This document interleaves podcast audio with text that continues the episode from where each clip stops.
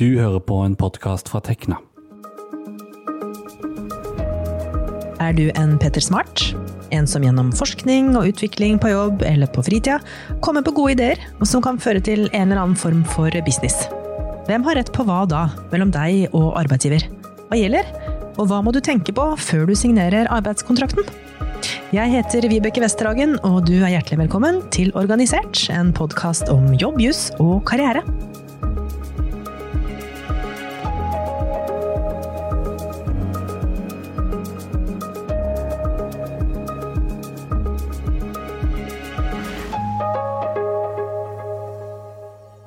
Før jeg starter i dag, så vil jeg komme med en aldri så liten oppfordring til deg som hører på. fordi er det noe som du vil at vi skal snakke om i denne podden, så må du fortelle oss det.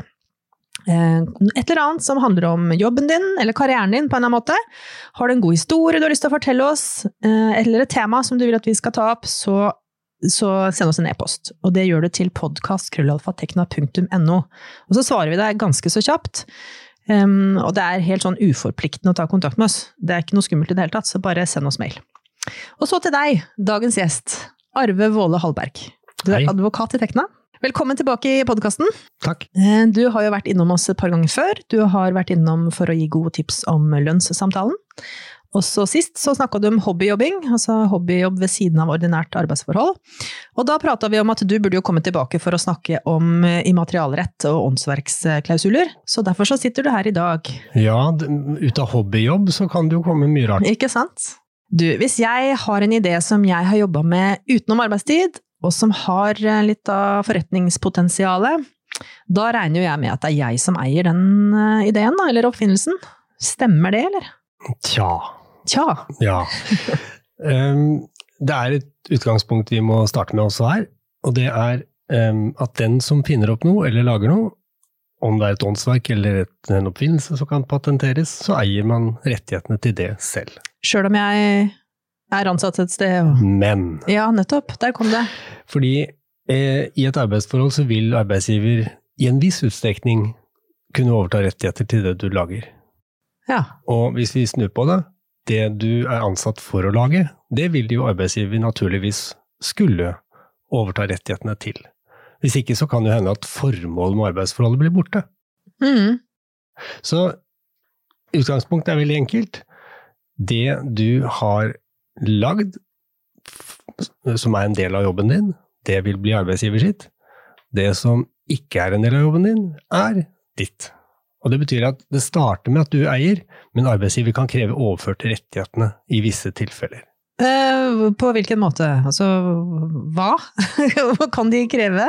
Ja, øh, reguleringsmessig, altså hvilke lover og regler som gjelder på dette feltet, Ja. der kan man dele dette feltet i to, ganske enkelt. Og Det ene er det vi kaller for bakgrunnsretten. Det er de reglene som gjelder der partene ikke har kommet til avtale om noe annet. Altså, Det som disse- uansett gjelder. Ja, det som gjelder, eh, la oss sammenligne med formuesfellesskap mellom ektefeller. Når man gifter seg eller inngår partnerskap, så har man eh, et standardsett regler som kommer til anvendelse, så man behøver ikke avtale særskilt.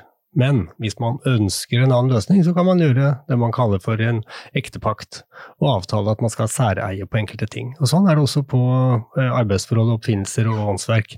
Eh, Arbeidsavtalen eh, vil jo gjerne gjøre visse unntak fra den bakgrunnsretten, fordi partene, gjerne arbeidsgiver, ønsker en annen regulering enn det som bakgrunnsretten gir. Men utgangspunktet i bakgrunnsretten er at det som arbeidsgiver skal få lov å eie, uten at man har inngått en særskilt avtale, er det som er nødvendig for at arbeidsforholdet skal nå sitt formål.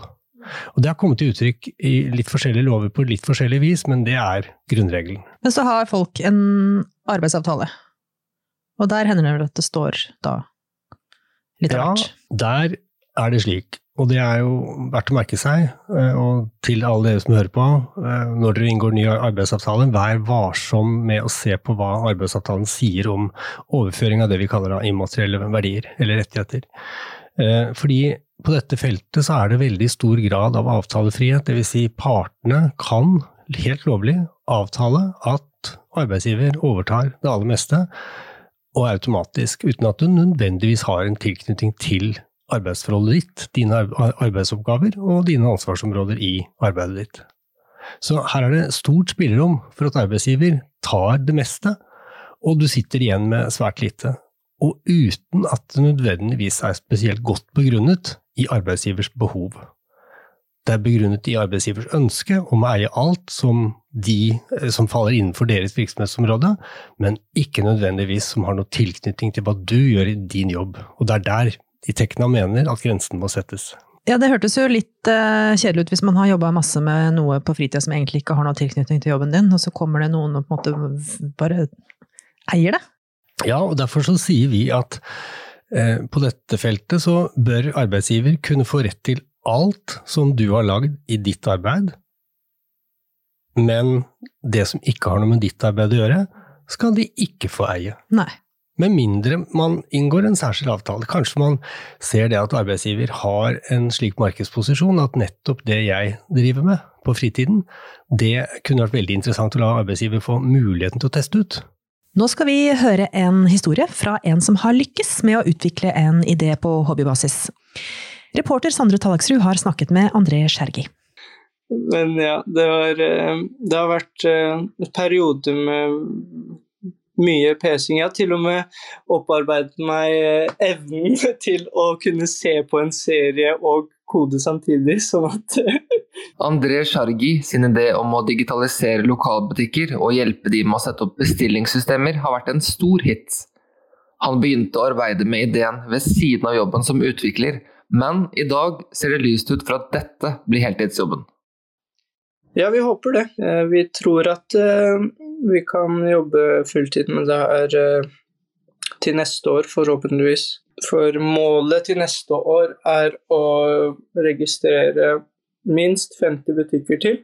Og da, og, og da, er det nok til å kunne lønne noen av oss. Han var aldri redd for eierskapet til ideen, og føler jobben har vært forståelsesfull til måten han har jobbet privat med konseptet. Jeg har tatt kontakt med sjefen et par ganger og spurt han om, om det direkte. Det har jeg gjort, hvis, uh, hvis, jeg har vært litt usikker. For jeg tror at i kontrakten jeg har med, med, jobben min, i hvert fall så står det at det ikke skal være noe konkurrerende virksomhet man driver med. Så da har jeg på en måte bare eh, tenkt er det her konkurrerende eller ikke. Og så hvis jeg er litt usikker, så bare har jeg spurt. Jeg var, var, aldri redd for at de skulle stjele ideen eller noe sånt. Hvis, hvis du hadde laget et spill, da, eh, hadde du forventa at du skulle få jobbe med det, med det, selv? Eller hadde du tenkt at det her er noe som eh, I og med at jeg utvikler, og det her er på en måte utvikling, at det her bør jobben ha litt av? Hvis det f.eks. er et spill som ikke har noe med utviklinger av nettsider eller apper å gjøre, så burde, da burde jeg eie alt, siden jeg har laget det. Det mener jeg. Mens eh, hvis, det er, eh, hvis det er noe som konkurrerer med der jeg er ansatt, så, så er det kanskje litt annerledes.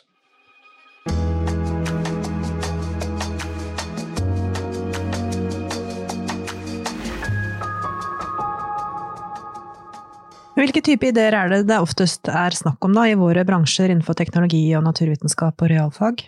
Vi på juridisk avdeling vi får jo en del spørsmål knyttet til oppfinnelser i arbeidsforhold. Og det er også fordi at vi er jo teknologitunge mm. eh, i medlemsmassen. Eh, og det er mange folk som finner på veldig interessante ting.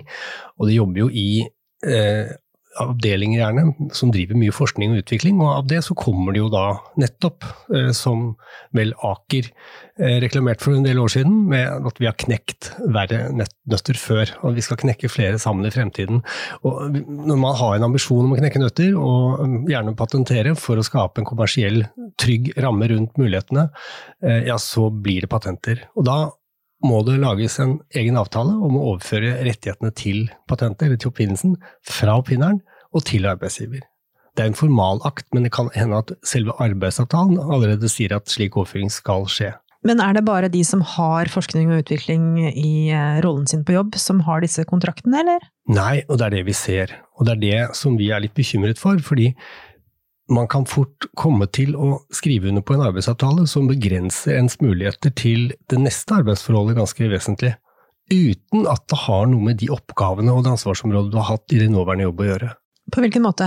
Hvis arbeidsavtalen sier at um, ikke bare skal arbeidsgiver få lov å eie det du finner opp og gjør når du er ansatt, men det du også finner, måtte finne på opp. når du slutter, f.eks. i en periode på opptil et år etter at du hadde fratrådt, og har begynt hos en ny arbeidsgiver som driver med noe av det samme, ja, så blir det jo vanskelig å si til den nye arbeidsgiveren at dessverre, de rettighetene jeg har utviklet hos deg, eller disse tingene jeg har funnet opp, de må dessverre den gamle arbeidsgiveren min få lov til å eie. Og det skaper konflikter. Eh, det er vanskelig. Ja, det er jo lett å forstå. Altså, hvordan skal man på en måte helt tatt få en jobb, hvis man sitter i saksa på den måten der? Nei, det, det, det blir mer komplisert. Og eh, vår oppfatning er jo at i en del tilfeller så eh, tiltar bedrifter, altså arbeidsgiver seg, større rettigheter enn de egentlig har behov for. Og på bekostning av både individets, altså den enkelte arbeidstakerens muligheter på jobbmarkedet, og ikke minst, kanskje enda viktigere, samfunnets tilgang på kompetanse, og altså kompetente ressurser.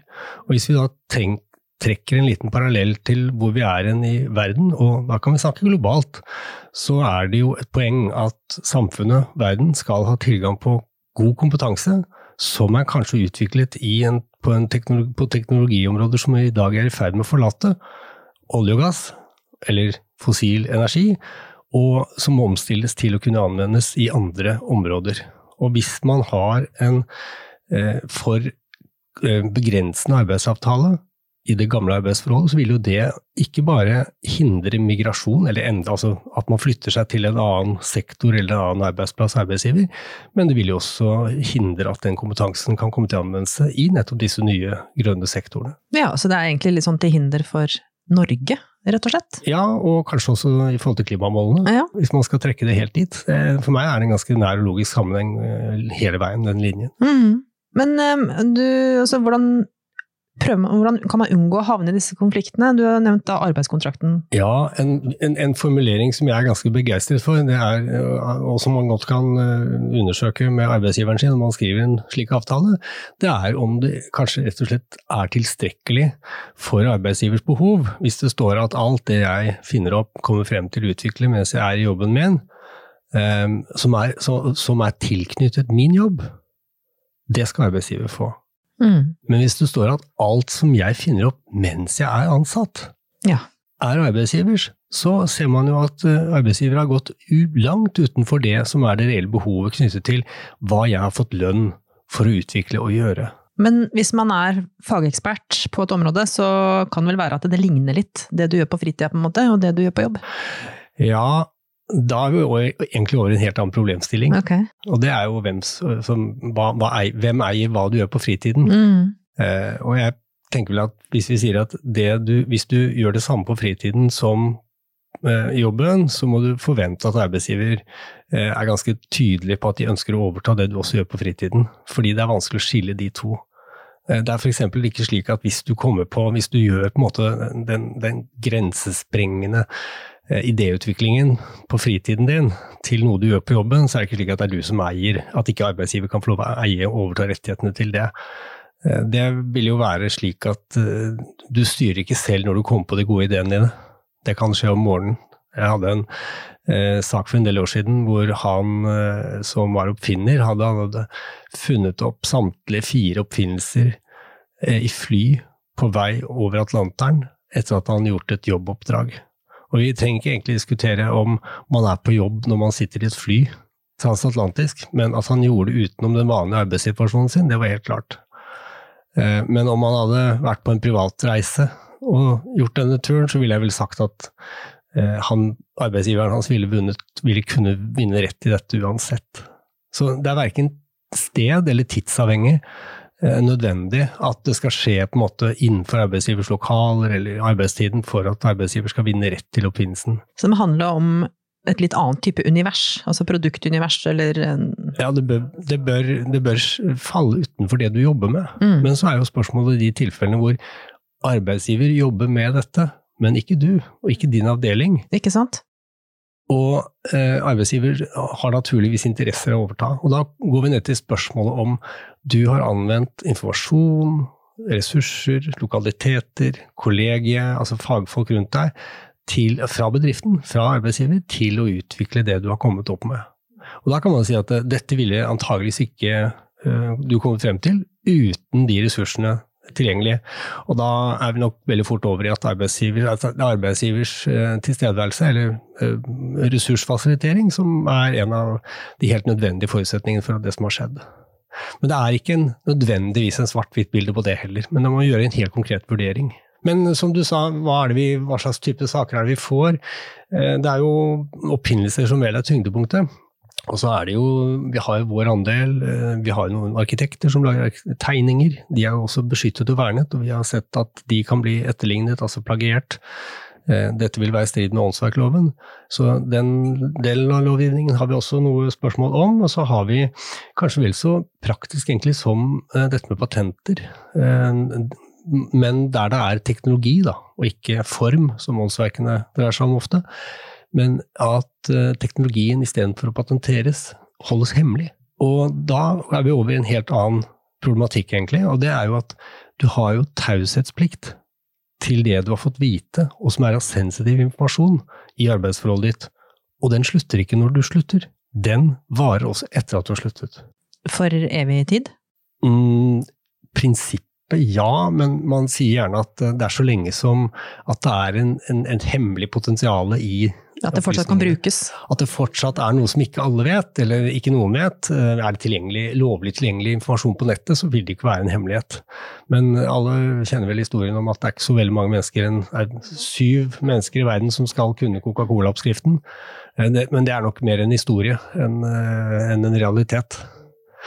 Men, men det, dette med hemmeligheter kan jo da eh, by på problemer, fordi den gamle arbeidsgiveren sier at nei, det du gjør nå hos den nye arbeidsgiveren eller i ditt eget foretak, kanskje også parallelt på fritiden, det er å bruke informasjon fra som sammen for oss, og på kanskje da en måte som strider imot det du har skrevet under på av taushetsplikterklæringer, eller som uavhengig av om du har skrevet under på noe slikt, gjelder likevel i kraft av en egen lov som heter lov om forretningshemmeligheter, som vi fikk eh, i fjor og en, eh, en eh, bestemmelser i straffeloven som også rammer dette, i tillegg til ja. markedsføringsloven. Så det er, det er, flere måter å regulere og begrense eh, fri flyt av forretningshemmeligheter på. Da. Men hva hvis man sitter på en kjempegod idé som har, um, har med måte, hva arbeidsgiver holder på med, men allikevel så er det ikke noe arbeidsgiver faktisk holder på med enda, så har man lyst til å pitche den ideen. Mm. Og så gjør man det, og så er ikke arbeidsgiver interessert. Så tenker søren, dette her er jo dette burde jeg jo, det, Noen burde holde på med dette. Mm. Hvordan kan man starte eget da, virksomhet? Også hvordan bør man gå fram hvis man skulle ha Ja, det er, det, er, det er, to ting i dette. Det ene er at hvis man skal For det første, hvis, man, øh, hvis, man, hvis det man har kommet på en idé om er innenfor arbeidsoppgavene, så vil man gjerne ha en plikt til å varsle om dette til arbeidsgiver. Og så kan det anbefales å bruke skriftlig varsling, slik at man kan dokumentere at man har gjort det. Og, og varslet innhold, hva er det egentlig varselet gjelder? Det kan være utydelig om altså Hadde det vært varslet på en annen måte eller beskrevet nærmere, så ville arbeidsgiver forstått hva som dette dreide seg om og kanskje vært mer interessert. Og hvis man da har en strategi om at man skal si minst mulig, men nok til at man kan si i ettertid at ja, jeg sa ikke ja, ja. og så sier arbeidsgiver ja, men dette visste vi ikke nok om, eller mm. vi skjønte ikke at vi burde etterspørre mer informasjon, eh, og så får du en krangel på det. Jeg tenker at å spille med litt åpne kort er greit. Men hvis hensikten er at du skal gjøre arbeidsgiveren din en tjeneste, da, du har kommet på en god idé som tenker dette er løsningen for oss, og så kjøper ikke og så, og så, sier de dette vil vi ikke jobbe videre med. Mm. Men der er det også nyanser. Dette er jo et litt komplisert felt, mm. mindre med det, så folkens hold, hold øra rett i munnen, er det vi sier. Um, fordi hvis, um, hvis, de sier at uh, dette var interessant å høre om, dette skal vi ikke gjøre, så kan jo det bero på en strategisk markedsvurdering. Mm. De har allerede et produkt eller tilgang på et, et slikt produkt som, gjør, som løser dette på samme måten. Og har du introdusert et produkt i markedet og brukt masse penger, både på implementering, på verifisering og på markedsføring, og nå har du begynt å opparbeide en kundekrets, og så kommer en av disse ansatte og sier jeg har en glimrende idé, så kan det godt hende at arbeidsgiver sier det skal vi ikke gjøre, det skal vi holde som forretningshemmelighet at fins, og den er vår. Hmm. Den får ikke du, du får ikke slutte å begynne med dette. Og da sitter du der. Eh, hvis vi drar det litt over i, eh, i patentretten, hvis dette er et, eh, noe som kan patenteres, i hvert fall på det tidspunktet du sier ifra til arbeidsgiver at jeg har noe, og de finner ut at dette gjør vi ikke, så vil du etter omstendighetene kunne få, ha krav på et vederlag ekstra i tillegg til lønnen din, hvis den ideen din den ville kunne hatt potensial til noe å bli å tjene mye penger. Um, og i særdeleshet hvis ikke du er ansatt for å utvikle slike løsninger. Altså at det ikke er en nær sammenheng mellom ditt arbeidsforhold og oppfinnelsen, det vil i så fall kunne gi større mulighet for et vederlag, i tillegg til lønnen. Fordi man sier at tilgangen på teknologien, på ideen, den er mer tilfeldig for arbeidsgiver. Og da må de betale mer for å eie den eller overta den, eventuelt da for en bruksrett. Så hva, hva, du gjør, det beror litt på det. Men hvis vi da tenker oss at arbeidsgiver ikke har noe eh, ønske om å legge den i skrivebordsskuffen heller og si at dette holder vi helt kjeft om, ingen skal få vite om dette, for da mister vi eh, posisjonen vår i markedet. Eh, og du får ikke lov å Eller du, vi anser ikke dette som et konkurrerende produkt.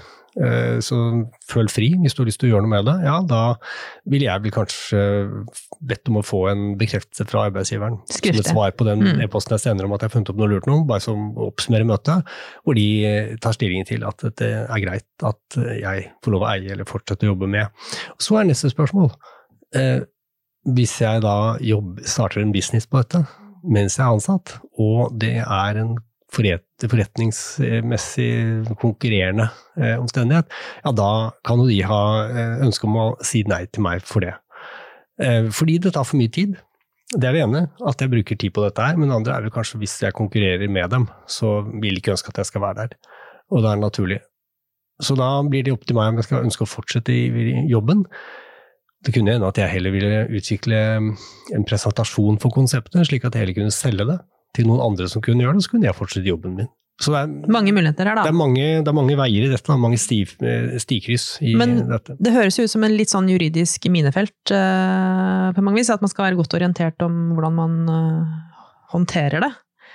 Um, det er jo kanskje ikke sånn at alle er tilstrekkelig oppmerksom på den arbeidskontrakten man skriver under når man først blir ansatt. Nei, det begynner der, og da må dere jo ta kontakt med oss hvis dere er i tvil. Mm. Det jeg pleier å like, eller det jeg liker, det er at folk tar en, leser kontrakten sin selv. Mm. Og så tenker litt gjennom hvordan dette vil være for dem, sånn Litt som de ønsker å jobbe. Tenker seg litt om, hvis de driver med apputvikling på fritiden, eh, hvis de er involvert i open source-prosjekter, forskjellige arter, hvor det, hvor det er eh, hvor det å bare det seg selv å drive en business på fritiden, eller en hvert engasjert i noe, det bør ikke være sånn at tjener penger på det, men som er i nærheten av det arbeidsgiver driver med, så kan det være greit å gjøre en avklaring på det. Ikke sant. Men når man først har skrevet under på kontrakter, så kan man ikke endre dem, eller? Jo da, Man kan det. Og det skjer jo stadig vekk, Ja. at arbeidsgiver ønsker endringer også. Fordi Ja. det du skal jobbe med nå er plutselig kanskje Den veien er jo kjent, men Ja. eh, kanskje ikke så den andre veien. Nei, det er, vel, det er sjelden, men, men det man gjør da, er vel egentlig mer å få et uh, særskilt unntak for at du kan drive med akkurat dette Mm. konkret. Men at man ikke endrer arbeidsavtalen som sådan. Mm. At man får et tillegg til arbeidsavtalen. Det er kanskje mer viktig. Men uh, Tekna-medlemmer de kan iallfall ta kontakt med Det må, de gjøre, det må de gjøre. Og vi leser jo gjennom alle arbeidskontraktene som de sender oss, Mm. eh, og eh, kommer med innspill også på disse områdene her konkret. Er det noe annet du tenker at eh, de som hører på burde vite om om dette temaet, som ikke vi har snakka om ennå? Ja, det er jo en linje her, og det er en helhet som jeg ønsker meg kanskje bedre etablert enn den er i dag. Altså, vi fikk jo for noen år siden denne, dette kapittelet i arbeidsmiljøloven om konkurranseklausuler Ja. i arbeidsforhold. Altså at du ikke får lov å begynne hos en konkurrent i en periode etter at du slutter hos den forrige arbeidsgiveren. Ja. Mm. Eh, og de er jo da med stor grad av Teknas bistand eh, i forhold til lovarbeidet opp mot Stortinget, eh, blitt etablert slik at hvis arbeidsgiver har en slik klausul i din arbeidsavtale, hvor de kan nedlegge et slikt forbud, ja da må de betale grunnlønn for den perioden de benytter seg av forbudet. Og det kan ikke vare lenger enn tolv måneder etter forbudet etter at du har fratrådt. Eh, og der er det en del regler og mekanismer som er ganske fiffige i forhold til å avklare eh, hvordan dette blir i forhold til begrensningene. Men tolv måneder er lenge, da. Ja, det er lenge. Å være utenfor uh... Men det, dette er jo da regler som man ikke kan avtale seg bort ifra. Men disse reglene om eh, forretningshemmeligheter, eller det du måtte frembringe og lage innen tolv måneder etter at du slutter, de er ikke lovregulert så lenge. Og Der ønsker vel jeg at vi ser litt nærmere på det fremover, for det kunne være interessant. De vil for, i mitt hode fungere som indirekte konkurranseklausuler, eh, og begrense din mulighet til å ta jobb hos en konkurrent til den arbeidsgiveren du er hos i dag. Og Hvis man tenker seg, eh, Våre medlemmer er jo gjerne eh, livslangt innenfor de samme teknologifeltene de, de begynte i. Eh, om bransjen forandrer seg, om man startet i fossil energi og ender opp i grønn energi på et eller annet vis, så er det en naturlig eh, endring. Men man jobber gjerne, med mindre man går inn i ledelse spesifikt, med teknologi som har en, en rød tråd ned til det du begynte som i en eller annen tid. Og, og, Derfor er det viktig at man ikke legger for store begrensninger på sin fremtidige karrieremulighet gjennom å la seg begrense av slike avtaler. Min, min tanke er vel at hvis arbeidsgiver kan få alt de trenger av mine resultater i arbeidet, alt jeg lager skal de få, men de skal ikke få noe mer, så er det en grei syretest på hvor landet ligger. Og hvis arbeidsgiver sier nei, vi må ha mer, vi må ha det du lager etter at du slutter, og vi må ha Vi må eie Vi, vi skal begrense dine muligheter til å ta jobb hos konkurrenter. Ja, da må det koste noe, da. For da, da, da betaler du underveis for dette. Um, så vi, vi, prøver å hjelpe dem litt med det. Så det er en helhet. Forretningshemmeligheter, konkurranseklausuler og hva arbeidsgiver ikke skal få lov å eie likevel etter at du har sluttet. Det er viktige forhold i dette. En viktig ting å huske på er å ta en sving innom dere når man skal skrive under på en ny arbeidskontrakt. I hvert fall lese grundig og ta, og ta kontakt hvis man lurer på noe, om noe er innafor. Ja. Og så I tillegg til dette med disse arbeidsavtalene som vi ser på, så går vi jo også inn og hjelper folk som har kommet i en eller annen form for konflikt med arbeidsgiver. Mm. Og uh, Det typiske er vel at ikke de blir enige om f.eks. et vederlag som skal betales for overføring av en rettighet til en oppfinnelse. Der går vi inn i såkalt meklingsnemnd for arbeidstakeroppfinnelser og fører saker der. Og Det er et kall det forstadie, eller en prøving uh, opp imot domstolsbehandling for et slikt krav. Det er nok flere saker vi har på vederlagets størrelse, eller om det er grunnlag for å gi noe mer vederlag enn lønnen, enn om det er rett, eh, riktig at arbeidsgiver skal kunne overta Ideen. det de ansatte har kommet frem til. Tusen takk til deg, Arve Våle Hallberg. Og er du da medlem i Tekna, du som hører på, så kan du altså sende en e-post til Tekna på, til juridisk kontor. Det gjør du til juridisk at tekna.no hvis du har spørsmål. Og da hører du enten fra Arve eller en av de andre glimrende juristene som jobber i Tekna. Det var det vi hadde for denne gang. Vi ønsker deg en riktig god arbeidsdag. Takk for at du hørte på. Dette har vært en podkast fra Tekna, en fagforening for deg med mastergrad i naturvitenskap, realfag eller teknologi. Les mer om oss på tekna.no. Programleder var Vibeke Westerhagen. reporter Sondre Tallagsrud, og teknisk ansvarlig var meg, Andreas Kili Grenasberg.